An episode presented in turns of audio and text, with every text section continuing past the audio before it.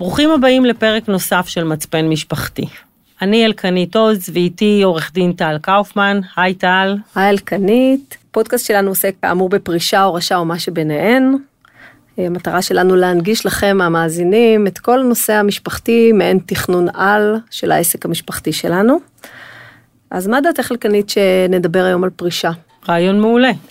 אה, אני חווה בשבוע האחרון אה, לא מעט לקוחות שאולי בגלל שזה סוף שנה, לא יודעת, תכף אה, נחשוב מה המשמעות של זה, שמדברים על פרישה. רוצים לעזוב את מקום העבודה, הם הגיעו לגיל 67, אני יכולה להעלות על דעתי איזה שני לקוחות, ופונים אליי כדי שאני אתכנן להם את הפרישה הצפויה בקרוב בינואר. כן, זה תמיד נדמה שבסוף שנה יש לנו מין אה, בום כזה של אה, baby boom של פורשים. אז אה, לצורך העניין זה בדרך כלל נובע מהעובדה שלא מעט מהמעסיקים בעצם אה, בסוף שנה אה, מייצרים מה שנקרא פרישות של עובדים לקראת סוף השנה. אה, וחוץ מזה שחשוב להגיד שיש לנו אה, אוכלוסייה לא קטנה, לא מבוטלת. של פורשים בכלל במהלך השנים, שהיא רק תלך ותגדל, שוב פעם, אוכלוסיית המבוגרים ביחס לצעירים. אבל... נכון, אבל בוא רגע נדבר על מה זה פרישה. מה, פרישה זה אומר, אני הגעתי לגיל מסוים ואני חייב לעזוב את העבודה? זה הגעתי לגיל שאפשר להתחיל. לגמרי השאלה להתחיל. השאלה להתחיל מה, כן. להתחיל פרק חדש בחיים. חד משמעית. אז אה, באמת בוא, בואי אה, ככה נדבר אה, קצת יותר מלמעלה על מה זה פרישה בכלל. אוקיי, אז אולי נעשה איזשהו סדר שנייה, כאילו אנחנו אומרים פרישה, פרישה ומה המשמעות היא, אז בעצם כשאנחנו מדברות על פרישה, זה בדרך כלל משהו שמאפיין מבחינתנו את הגיל השלישי מטבע הדברים, אנחנו מדברים על נשים וגברים, גיל פרישה. אה, נזכיר כבר פה שיש אה, בישראל חוק שקוראים לו חוק גיל פרישה. נכון, בדיוק, שמדבר בעצם אה, מה זה גיל פרישה, אוקיי? החוק ששונה כבר לא מעט פעמים, המעודכן האחרון שלנו לגברים מאוד פשוט, גיל הפרישה הוא 67, לנשים זה היה 62 לצורך העניין, אבל זה הולך ועולה עניין של שנת לידה, בסוף זה יגיע ל-65, אמ, בשאיפה בסופו של דבר להשוות בין גברים לנשים, כי נזכיר, אה, תוחלת החיים היא נכון להיום ארוכה בעשרות שנים מהגיל החוקי. כן, אנחנו מדברים היום בממוצע, בסדר? סתם ככה, בשביל שנבין שאדם שהגיע לגיל פרישה יחיה לפחות עוד 20 אה, שנה, זה המון כשאנחנו מתייחסים לזה, אה, אבל אני לא בטוחה שבהסתכלות קדימה, אה, אי פעם ישבו בין גיל הפרישה לנשים וגברים, תמיד של נשים יהיה יותר נמוך, סביר להניח שנראה בעתיד עלייה אולי בגיל פרישה לגברים ל-70, ונשים ל-67. למרות שתוחלת החיים של נשים, למרות... סטטיסטית, סטטיסטית גבוהה יותר מגברים, זאת אומרת כן. שכשאישה פורשת בגיל צעיר יותר מגבר, היא למעשה צריכה לחשוב על הרבה יותר שנים מבחינת סטטיסטיקה של תוחלת חיים, שבה, ש, שהיא תהיה כבר בגדר פורשת. את צודקת, כאילו לכאורה זה היה אמור להיות ההפך. נכון. אבל בפועל, בגלל שנשים...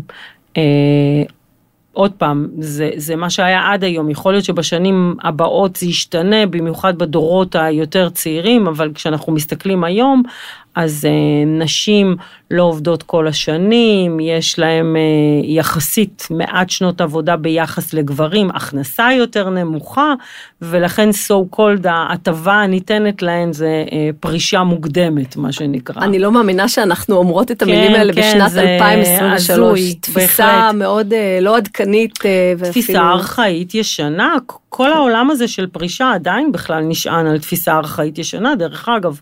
איפה כתוב שבן אדם אחרי גיל פרישה בעצם הוא כבר, אם אנחנו מתעסקות בזה, הוא מה שנקרא לא טוב יותר לעבודה, נהפוך הוא, אפשר היה פה לחשוב שכחלק ממשימה, זה בעצם אה, להפוך את זה שאנשים שעברו את גיל הפרישה ימשיכו לעבוד, לא חייב במשרה מלאה, קחי אותם בשליש או חצי אחוז משרה, ותני להם בעצם אה, ללמד ללמד את הצעירים, להכשיר, בעצם יכול פה להיות מנוף מטורף של עבודה שהיא ווין ווין לכולם, אבל אז אין את- חשיבה. אז את באמת נוגעת במה קורה אחרי הפרישה, אבל אני חושבת שכדאי שנלך רגע צעד אחורה ונגדיר מהי פרישה. ו- ובאמת, אה, את נגעת פה בנקודה, גם באיזשהו, איזושהי מחשבה לא עדכנית ולא נכונה, שאנשים, וזה מה שאני פוגשת אצל הלקוחות שלי, שאומרים, אה, אני צריך, א', אני צריך לפרוש בגיל 67 לצורך הדוגמה,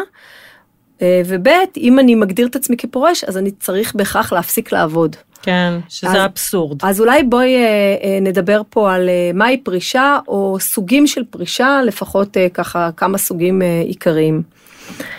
אוקיי, אז בואי ניקח את שלושת הממים. אוקיי. מה זה שלושת הממים? זה בעצם אה, פרישה מלאה, פרישה מוחלטת, פרישה מדומה, שזה פרישה שבעצם אני ממשיכה לעבוד, אבל אני מתחילה לממש כסף, ופרישה מוקדמת. יש לא מעט מגזרים שבהם אנשים בעצם פורשים עוד הרבה לפני גיל הפרישה. אוקיי, אז, אז בעצם ו-. הממים הם ביחס אה, לגיל, אז אה, אה, המוחלטת היא בגיל, נכון. אבל גם, גם הגעתי לגיל שאפשר להתחיל, חד משמעית. וגם אה, אה, עזבתי את מקום העבודה, מהמם. הספציפי, כן? לא בכלל את עולם העבודה. נכון, יכול להיות שאני ממשיכה לעבוד במקום אחר. נכון. אה, המם השני הוא בעצם אמרנו הפרישה ה- מדומה. המדומה. זאת אומרת שאני עשיתי הליך של פרישה כביכול מהיבטי הקופות הפנסיוניות או, או מהיבטי קבלת הכספים הנוספים אה, בהיותי בגיל פרישה, אבל אני ממשיך לעבוד באותו מקום עבודה ולכן היא מדומה. בהחלט. והפרישה השלישית היא פרישה מוקדמת שזה במגזרים מסוימים שלפני הגיל החוקי אני יכול אה, אה, להתחיל ל- לחשב כפנסיונר נקרא לזה או כפורש נכון. אה, ולעזוב את מקום העבודה המסוים. אבל עוד יש אה, לפניי עוד אה, שנים ארוכות של גם כמובן עבודה, קריירה נוספת, ועדיין לא בגיל השלישי. נכון, יכול להיות שדרך. אגב שאני אחליט בפנסיה מוקדמת, יכול להיות שיהיו כאלה שיקבלו החלטה שהם לא ממשיכים הלאה לעסוק אה, בשום עיסוק, הם כבר יצאו לחופש, ויכול להיות שבאמת עשו פרישה מוקדמת, ויכול להיות שכאלה שיש להם קריירה שנייה ושלישית גם אחרי. באמת מאוד תלוי אותו אדם שאנחנו פוגשים. כן. למה שנייה רק, למה, אה, מה, מה מאחד את הגיל הפרישה?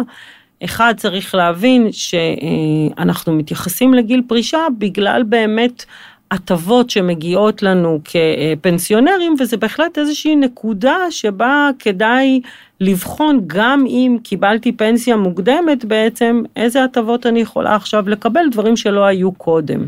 אז אה, בואי נתחיל את השיחה עכשיו, אה, המאזינים שלנו, מה שנקרא, פוגשים את אה, כל הטרמינולוגיה הזו לראשונה אולי. אה, אז בואי נדבר על המקרה הקלאסי, אני קוראת לו, של הפרישה המוחלטת, כמו שהגדרת עכשיו, המם כן. הראשון, אדם בן 67 ומחליט, או שהחליטו בשבילו שהוא עוזב את מקום העבודה. אה, ברשותך, בואי ניקח אה, לקוח משותף שלנו, את אה, דני. קדימה. בלי סימנים מזהים נוספים. אני אספר למאזינים שדני חוגג אה, 67 אה, בדצמבר, בהחלט. אנחנו עכשיו נמצאים בנובמבר 23.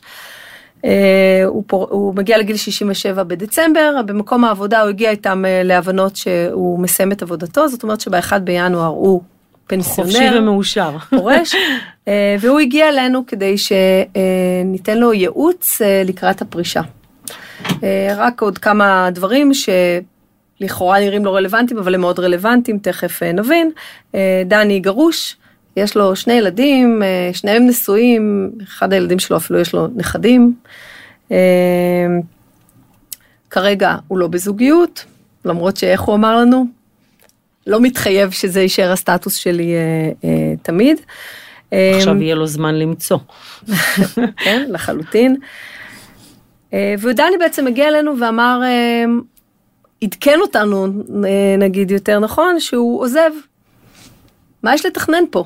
הוא לכאורה עונה על כל הפרמטרים, גיל 67, עוזב את מקום העבודה, יש לו אה, קופות כן. פנסיוניות, אה, אחת זה אה, קרן פנסיה ותיקה, עוד קצת כספים בקופת גמל, קרן השתלמות, מוצרים קלאסיים אה, של, אה, של אה, פנסיה. בואו נדבר עליו.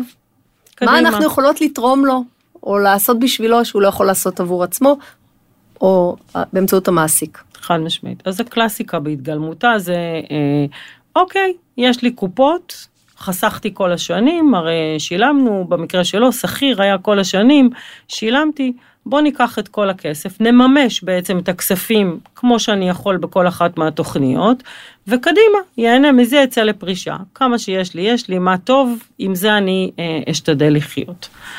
אבל בעצם, כאילו, בואו ניקח את דני. דני גרוש, ולדני יש אה, קרן פנסיה ותיקה, לדוגמה. במקרה שלו... בואו ניתן לה שם, אה, כי אנחנו יודעות, זה אה. במקפת הוותיקה, בסדר? המאזינים כן, מכירים את השמות בדיוק. האלה, בטח המאזינים כן. מהדור של דני. זהו, אז מי שבאמת כאילו הקבוצה הוותיקה, אני קוראת לזה, בהחלט יודע, מבטחים, מקפת, קגם, זה אותה משפחה של קרנות ותיקות, שבאמת אנחנו מקבלים שם קצבה מאוד גבוהה ביחס לחיסכון שלנו. אז זה נהדר, דני יקבל פנסיה לכל החיים שלו, וזה יהיה מצוין.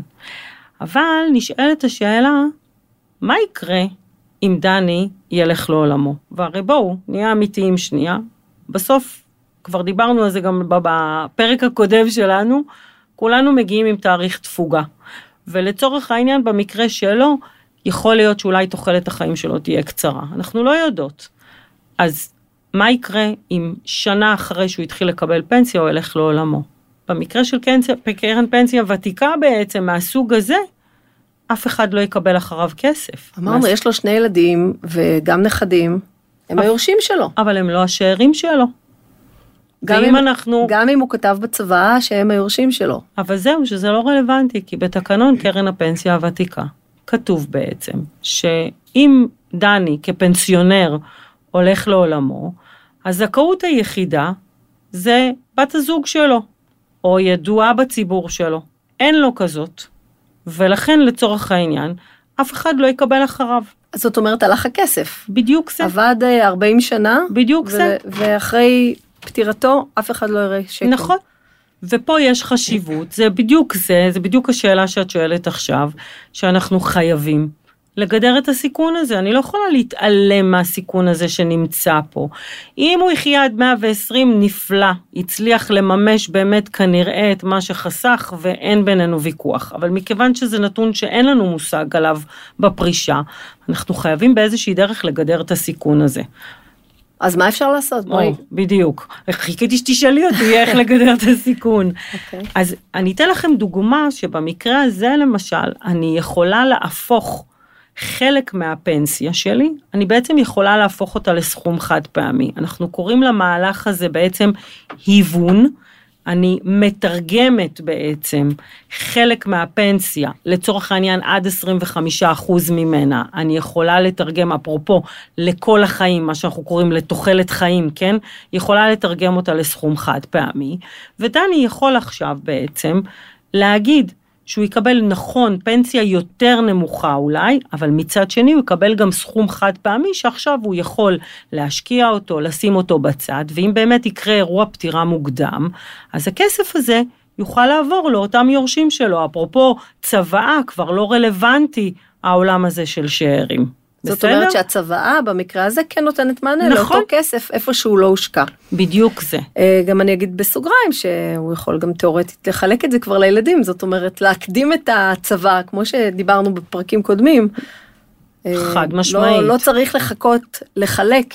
שוב, אם לא רוצים את זה לעצמי או אין לי איזה תוכניות על הכסף, אה, אני יכולה בעודי בחיים לפנק את ילדיי או, או, או את משפחתי. כן, בהנחה שבאמת לדני יש עוד כסף בעצם כביטחונות לכל מיני אה, מקרי קיצון כאלה ואחרים, שאפרופו גם זה גידור סיכונים, כן, אדם יהפוך להיות סיעודי, יש כל, כל מיני דברים, אז אם באמת אנחנו מדברות פה על אה, אה, עוד כסף שיכול להיות בצד, אפשר או לחלק או להשאיר אחר כך כהורשה באמת, אבל שוב, אני מגדרת את הסיכון, אני בעצם לא מייצרת שום סיטואציה שבה אה, יכול להיות שתוחלת החיים תהיה קצרה, ואז בעצם יש פה הפסד כלכלי משמעותי דרך אגב, בסדר? מאוד משמעותי. אוקיי, עכשיו אה, בואי נמשיך עם דני. זה לא המצב אצלו כרגע, אבל לצורך העניין כן תהיה לו זוגיות שנייה. מעולה. והיא תחיה איתו כמה שנים אה, טובות, היא תחשב כידועה בציבור, אולי הוא ינסה בשנית. למה להוון אז את הכסף? הנה, יש לו יורשת אה, שתקבל אה, את כספו אחרי. כן, או, אבל... בוא, או בואי נשאל איך היא תקבל את הכסף. Mm, אוקיי, אז עוד פעם, אם היא, אה, ושוב פעם, אה, חשוב להסביר כאילו, אם זה אה, מישהי שהיא הזוגיות אה, נולדה מה שנקרא אחרי שפרש, אחרי שהפך לפנ, לפנסיונר, מאוד מאוד חשוב להבין, ב, ב, ב, בטח בתוך הקרנות ובטח בתקנונים, מה מוגדר שם כ... אה, בת זוג או בן זוג, כן, של פנסיונר פנסיונרית, מהסיבה הפשוטה שיש תנאים מסוימים, צריכים להיות לפחות שנתיים ביחד, היא צריכה לעבור את גיל הפרישה, יש כל מיני אה, אה, משתנים שצריכים אה, להיות בכדי שהקופה אה, תשלם כסף, ושוב פעם, אני מדברת על קרנות פנסיה, כי בקופות אחרות, התנאים הם אחרים לחלוטין, אוקיי? אז חשוב גם את זה להבין, שאנחנו כרגע מדברות על קרן פנסיה ותיקה. אבל זאת אומרת שחשוב להדגיש שלא משנה מה אנחנו אה, מדברות עכשיו, אגב דני שיש לו קופה פנסיונית מסוג מסוים, לכל קופה פנסיונית אחרת, אה, למאזינים שלנו יש גם אה, קופות, קרנות חדשות, פנסיה חדשות שזה כסף שצוברים, ברור, יש להם ביטוחי מנהלים, ביטוח. מקדמים מובטחים, שוב אני אומרת הרבה מינוחים שרוב המאזינים אולי שמעו או לא יודעים במה מדובר. המטרה היא לא אה, להסביר עכשיו את הדברים האלה, אלא רק להראות שלכל קופה פנסיונית יש את המאפיינים שלה, ולכן צריך, כשפוגשים אה, פורש, אה, להבין מה יש לו ומה המאפיינים של כל אחת ואחת מהקופות. ושוב, לקחנו את דני כי הוא דוגמה יחסית פשוטה, אבל לרוב הפורשים יש...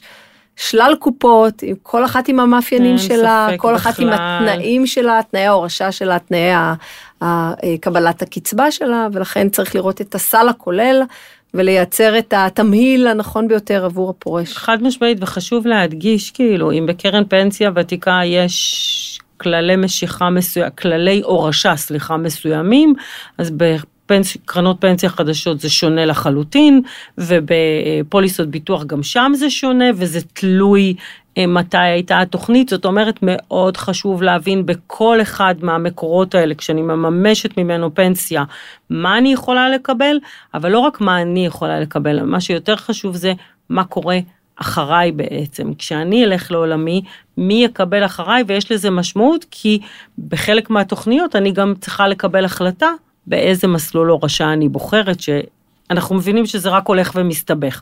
אבל בואי נחזור לדני שלנו. זהו, כן. רציתי לעצור אותך, כן. כי אנחנו... שוב, באופן טבעי, אה, אה, גולשות, גולשות אה, למחוזות כן. אחרים. אנחנו כרגע באירוע שהוא הרבה פעמים משמח. הגעתי לגיל ואני יכול להתחיל ואני ממש. יוצא לדרך חדשה וסוף סוף יש לי זמן לעצמי ולהשקיע בעצמי, אז אני רואה את החיים שלי קדימה, וכיוון שתוחלת החיים הצפויה לי אה, היא לא מבוטלת, אז אני רוצה עכשיו לראות את ה-20 שנה הבאות, כשאני חי, קיים, הכסף הזה משרת אותי, אה, ולכן אני אשאל אותך, אה, אוקיי, הבנו את המאפיינים של כל דבר, אבל למה אני צריך כפורש לבוא בכלל אה, להתייעץ עם מישהו? למתכנן.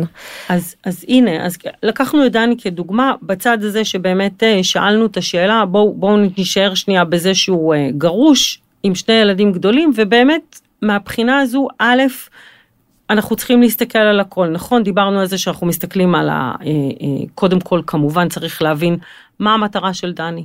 כמה כסף בעצם דני צריך נטו כל חודש בחשבון הבנק שלו. שלו. מה רמת כן. החיים שלו, מה החלומות שלו. בדיוק שהוא זה. שהוא סוף סוף מתחיל להגשים. כן, בדיוק, הוא רוצה לחיות אחרי הפרישה, הוא רוצה לחיות לפחות באותה רמת חיים שהוא חי קודם, ברור שכן, רובנו רוצים להמשיך הלאה לחיות.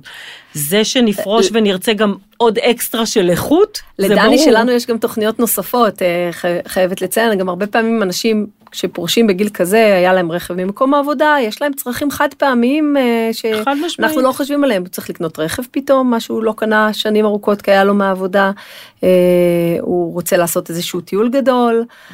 לפעמים יש להם כל מיני תחביבים יקרים, מטיולים מסביב לעולם ועד לפתח איזה תחביב נגרות, אה, אני נותנת דוגמאות כן. מאנשים אחרים, ולכן כמו שאת אומרת, אנחנו צריכות לזהות מהם הצרכים החד פעמיים, כדי גם לדעת אה, מאיפה להביא את הכסף הזה. משמעית, וגם אם, ואנחנו נלך עכשיו בואי, ויש לנו לקוחות כאלה שלצורך העניין לא היה להם רכב, ואין להם אה, שום הוצאה חד פעמית, כן, כשהם מסיימים לעבוד, עדיין בפועל פתאום יש לי זמן, ובזמן הזה אני ארצה לעשות דברים, ומה לעשות? הלעשות הזה עולה כסף. אז אני ארצה שיהיה לי עוד כסף בעצם, בכדי שאני אוכל לממש את הדברים שעד היום לא הרשיתי לעצמי. אני אפילו לא אוכל צהריים בחדר האוכל אה, המסובסד של המפעל. למשל. כן. אמ, אז אוקיי, אז באמת אה, פה המקום לדבר על אה, איזה עוד כספים אנחנו פוגשים שאנחנו פורשים, למעט הקצבה והיכולת להוון, לקחת סכום חד פעמי, כמו שתיארת קודם, מקופת הפנסיה. כן, אבל ש, שנייה אם אני דקה מסיימת עם דני בגלל ה, ה, כאילו למה בעצם צריך פה בעצם את התכנון, כי יש עוד נקודה שחשוב להבין אותה. וזה גם מתחבר לשאלה שלך עכשיו, הרי בעצם לדני יש כל מיני סוגים של כסף, בסדר?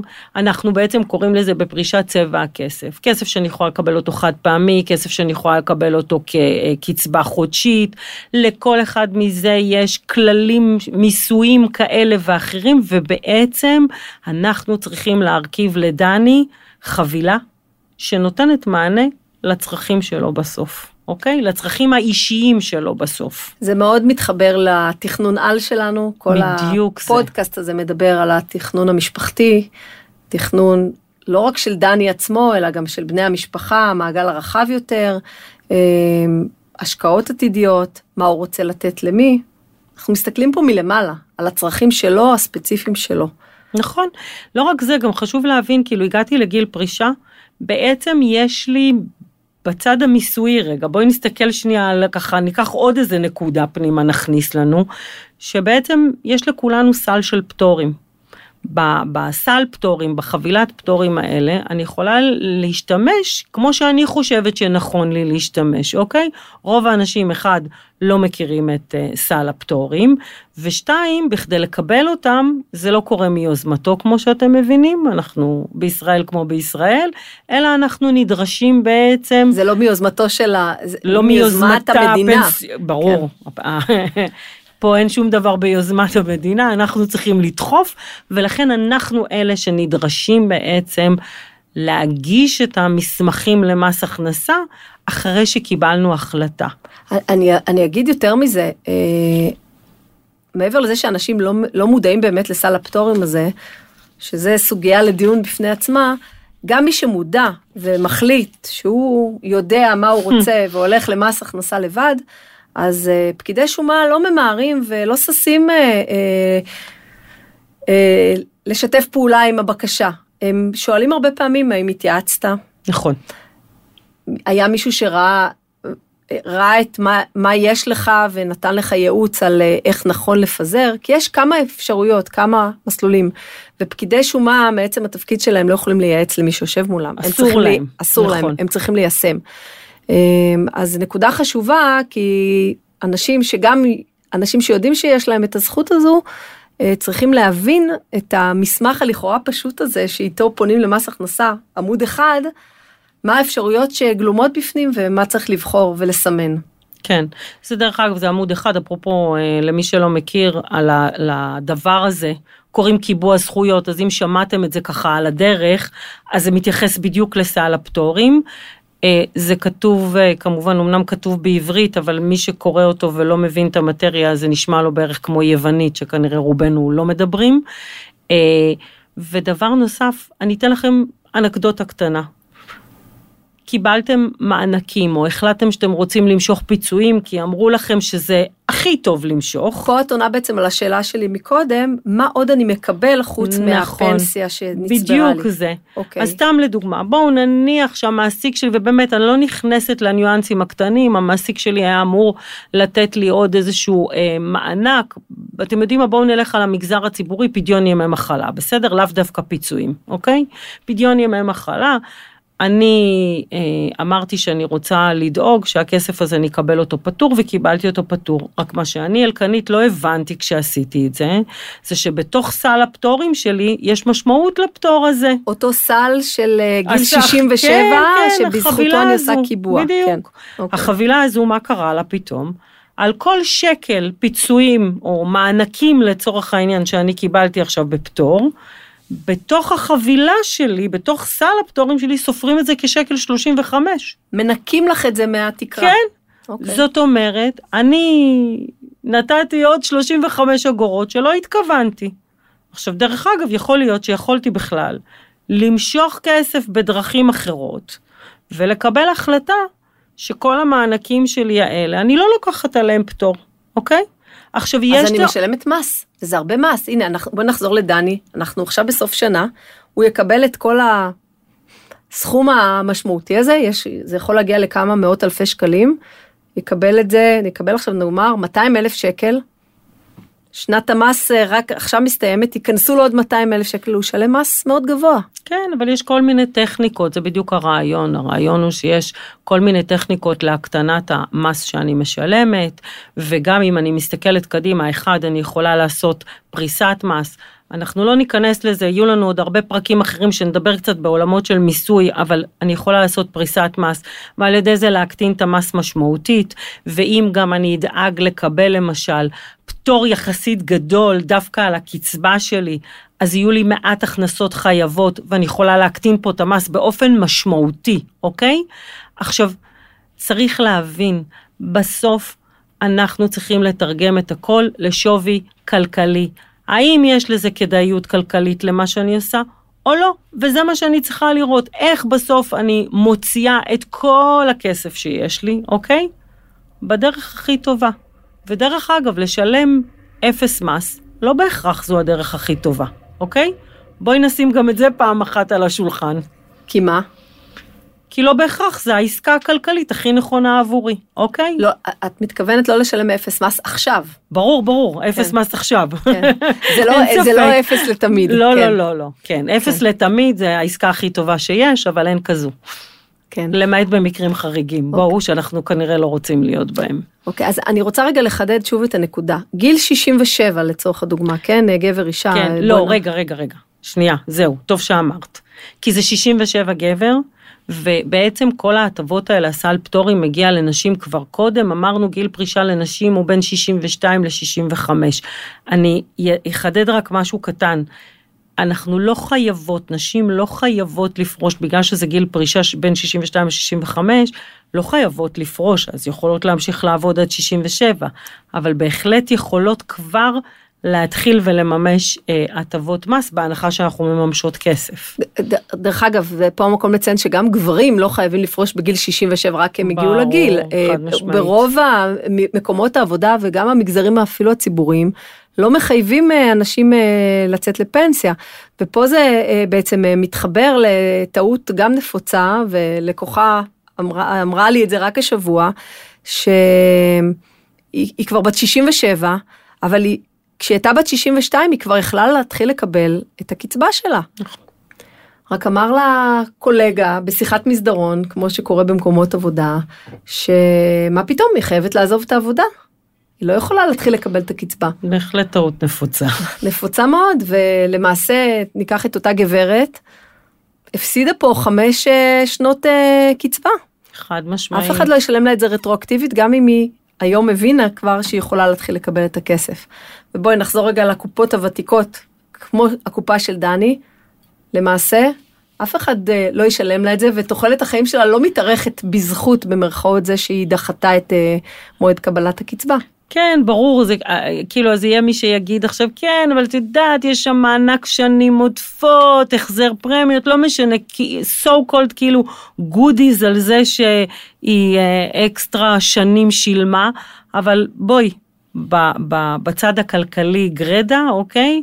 החמש שנים פנסיה הזו שהיא הייתה מקבלת, למרות, ואני אומרת למרות שהיא ממשיכה לעבוד, כי זה לא סותר האחד את השני, הייתה יכולה להיות עם נטו הרבה יותר גדול ומשמעותי בחשבון הבנק שלה, ושוב פעם, החוכמה בסוף זה שנתחיל לנצל את הכסף שחסכנו כל השנים. למי אנחנו בדיוק מחכים פה, אוקיי? אז בואו, לא צריך לא להפסיק להפקיד, אוקיי? אז אם, אני, אם יש תוכניות שלא מאפשרות לי להפקיד לאותה תוכנית, אז אני אפקיד לתוכנית אחרת, לא קרה שום דבר. אז אני צריכה את זה אחד להבין, ושתיים, אפשר להתחיל לממש פנסיה למרות שאני ממשיך לעבוד. לא משנה, גבר, אישה, באמת לא רלוונטי. חשוב לציין שאותו סל פטורים שדיברת עליו קודם בתהליך קיבוע זכויות אפשר uh, לעשות אותו בהגעה לגיל uh, הפרישה החוקי ובוא נכון. ניקח את הגברת בגיל 62 וזה גם מותנה בהתחלת קבלת קצבה. זאת אומרת שאם היא תעמוד בשני הפרמטרים האלה גם תקבל את העוד קצבה אבל גם תוכל להתחיל לנצל את סל הפטורים בין השאר. איזשהו אולי אה, אה, פטור מסוים על הקצבה שהיא מקבלת. נכון, ודרך אגב, אפרופו תכנון, עוד פעם, למה בעצם צריך תכנון? אז הנה, זה עוד נקודה. קחו מישהו שבעצם אנחנו נמצאים בפרישה מדומה שלו, הוא בעצם פורש, מתחיל לקבל כסף, אבל ממשיך לעבוד. יש פה חשיבות מאוד משמעותית לתכנון, אחד כדי להבין איך נשתמש היום בסל הפטורים, והאם אנחנו נדרשים בסיום העבודה שלנו לשריין פטורים נוספים. יכול להיות שיש דברים שאנחנו צריכים לשריין אותם ואנחנו צריכים להבין את כל המהלך הגדול הזה שקוראים לו עבודה ואחרי העבודה. זאת אומרת שתכנון פרישה זה לא משהו שצריך לעשות דווקא כשהגעתי לגיל הפרישה החוקי. אלא ככל שנקדים אולי לחשוב על זה, ושוב, אני לא מדברת בגיל 30, אבל הגעתי לגיל 60 לצורך העניין, בממוצע, אני כבר יודע שבחמש עד שבע שנים הקרובות אני, אה, אה, יכול להיות שאני ארצה לפרוש, או שמקום העבודה יחליט שהגיע זמני לפרוש. ואז ככל שאני אקדים ואסתכל על זה ואעשה את התכנון, אני לא עושה כרגע כלום, הכל אה, בר שינוי, גמיש, ואפשר אה, ליישם אותו ברגע האמת בהתאם לנסיבות החיצוניות. אבל ברמה התכנונית, ככל שאני אדע מראש מה צפוי לי, וכמה אני צריך להפקיד איפה. יכול להיות שאני אבין כבר בגיל 60, לצורך הדוגמה, שלקופה הוותיקה אני כבר לא מפקיד, כי הגעתי למקסימום. חד משמעית. אני, אני לא אוכל לקבל עוד את הקצבה, כי עוד לא הגעתי לגיל, לגיל החוקי. אבל בינתיים אני אמשיך ואחסוך את הכסף שהמעסיק ממילא מחויב על פי חוק להפקיד לי בקופה מסוג אחר. אין בכלל ספק, זה בכלל נכון לעשות אה, אה, רוויזיה, אני קוראת לזה, כשאנחנו מתקרבים לגיל פרישה זה בסדר, לא צריך לעשות את זה בגיל 40 מן הסתם, אבל בטח כשהתקרבנו כבר לגיל 60, מ-60 ואילך, בהחלט כדאי לבדוק. מה כדאי, איך אני צופה את פני הפרישה שלי, יש דברים שכבר אפשר לעשות עכשיו בשביל מה שנקרא לשפר עמדות, כדי שכשנגיע לפרישה שלנו נהיה הכי, אה, נקרא לזה מסונכרנים והכי מהודקים לקראת הפרישה הזו. יכול להיות שיש דברים שאני יכולה להשפיע עליהם כבר עכשיו, אוקיי? ובעצם לשים אותם אה, בחיסכון נכון יותר עבורי, אוקיי? אמרנו עוד פעם, דיברת על קרן פנסיה ותיקה, אולי להפסיק הפקדות, וכרגע להפקיד למקום אחר. יכול להיות שיש כסף שאולי אני לפי המצב היום אני אאלץ למשוך אותו אחר כך בסכום חד פעמי, ועל ידי זה שאני היום אנייד אותו לקופה לקצבה, דרך אגב, אני יכולה להפוך אותו לכזה שלא יהיה עליו מיסוי, אז אולי אני צריכה לעשות את זה כבר היום. יש בקיצור, פה, יש פה הרבה אולי, אין סוף, כן, אופציות, אין כן. סוף של דברים, ואני אני באמת, אני, אני יכולה לשבת פה שעות ולדבר על זה ולהראות דוגמאות ולהראות תוכניות, אבל אני חושבת שבעצם נפגשנו פה בשביל חשיבות אחת מאוד גדולה. כן, א', לתכנן. חד משמעית. לתכנן, לתכנן, לתכנן, ואנחנו אומרות את זה בכל פרק ונמשיך ונגיד את זה, ולא משנה באיזה נושא נדבר, בין אם נדבר על ההורשה, בין אם נדבר על ייפוי כוח מתמשך, בין אם נדבר על אה, הסכמים בין בני זוג או על גישור משפחתי אפילו. אה, תמיד אה, צריך להסתכל על זה כתוכנית על. אנחנו מתכננים פה את המשפחה, את העתיד שלה, הכלכלי, האישי. אה, אני גם רוצה בהקשר הזה להגיד שלמעשה שני אנשים שלכאורה הפרמטרים הבסיסיים שלהם זהים, קחי דני כזה ותשכפלי אותו לדני 2, שגם באותו גיל, עם אותו, אותה משכורת, אותה קצבה צפויה, אותו אפילו אה, מבנה משפחתי, אה, כל אחד יהיו לו צרכים שונים. חד משמעית. הם, הם יכולים להגיע אלינו באמת עם אותו סדר גודל של כספים אה, ואותה משרה, והתוכנית שלהם תראה אחרת. אין פתרון אחד לכל האנשים, זה, זה משהו שחשוב להגיד לו, אנחנו תמיד אה, אה, מוצאים את עצמנו שאפילו בעבודה שומעים כאילו, מה אתה עשית בפרישה, מה אתה עשית בפרישה, וכולם עושים אותו דבר. אין משהו שמתאים, זה לא אה, עכשיו קנינו אה, לכולם את אותה חליפה באותו מקום, כל אחד יש לו מידה שונה, אוקיי? אז על אותו עיקרון כאילו, גם פה אנחנו צריכים להתאים את זה, בעצם לתפור את החליפה לממדים של הגוף שלנו, כי זה באמת הכי נכון אה, עבורנו וישרת את המטרות שלנו, ותזכרו לא רק את המטרות שלנו, אלא את המטרות של המשפחה שלנו, כי בעצם זו החשיבות פה, בשביל זה אנחנו יושבות פה ומדברות כל כך הרבה. בשביל זה אנחנו מצפן משפחתי. חד משמעית. כן. אה, טוב, אלקנית, תשמעי, אה, כרגיל היה לעונג. גם לי, מאוד. השכלנו שתינו אחת את השנייה ואני מקווה ומאמינה שגם את המאזינים שלנו. אני חושבת שכדאי שנקדיש אה, שיחה נוספת על אה, סוגיות פרישה נוספים כי. כן, גם נשמח כאילו לדבר, אני חושבת שצריך לדבר פה על אה, פרישה מדומה, על אה, פרישה מוקדמת, ואני אגיד יותר מזה, גם בפרישות רגילות או אחרות, איך בעצם לפעמים אנחנו שבויים בקונספציה שאת כל התוכניות הפנסיוניות שלנו אנחנו חייבים להמיר אותם לקצבה.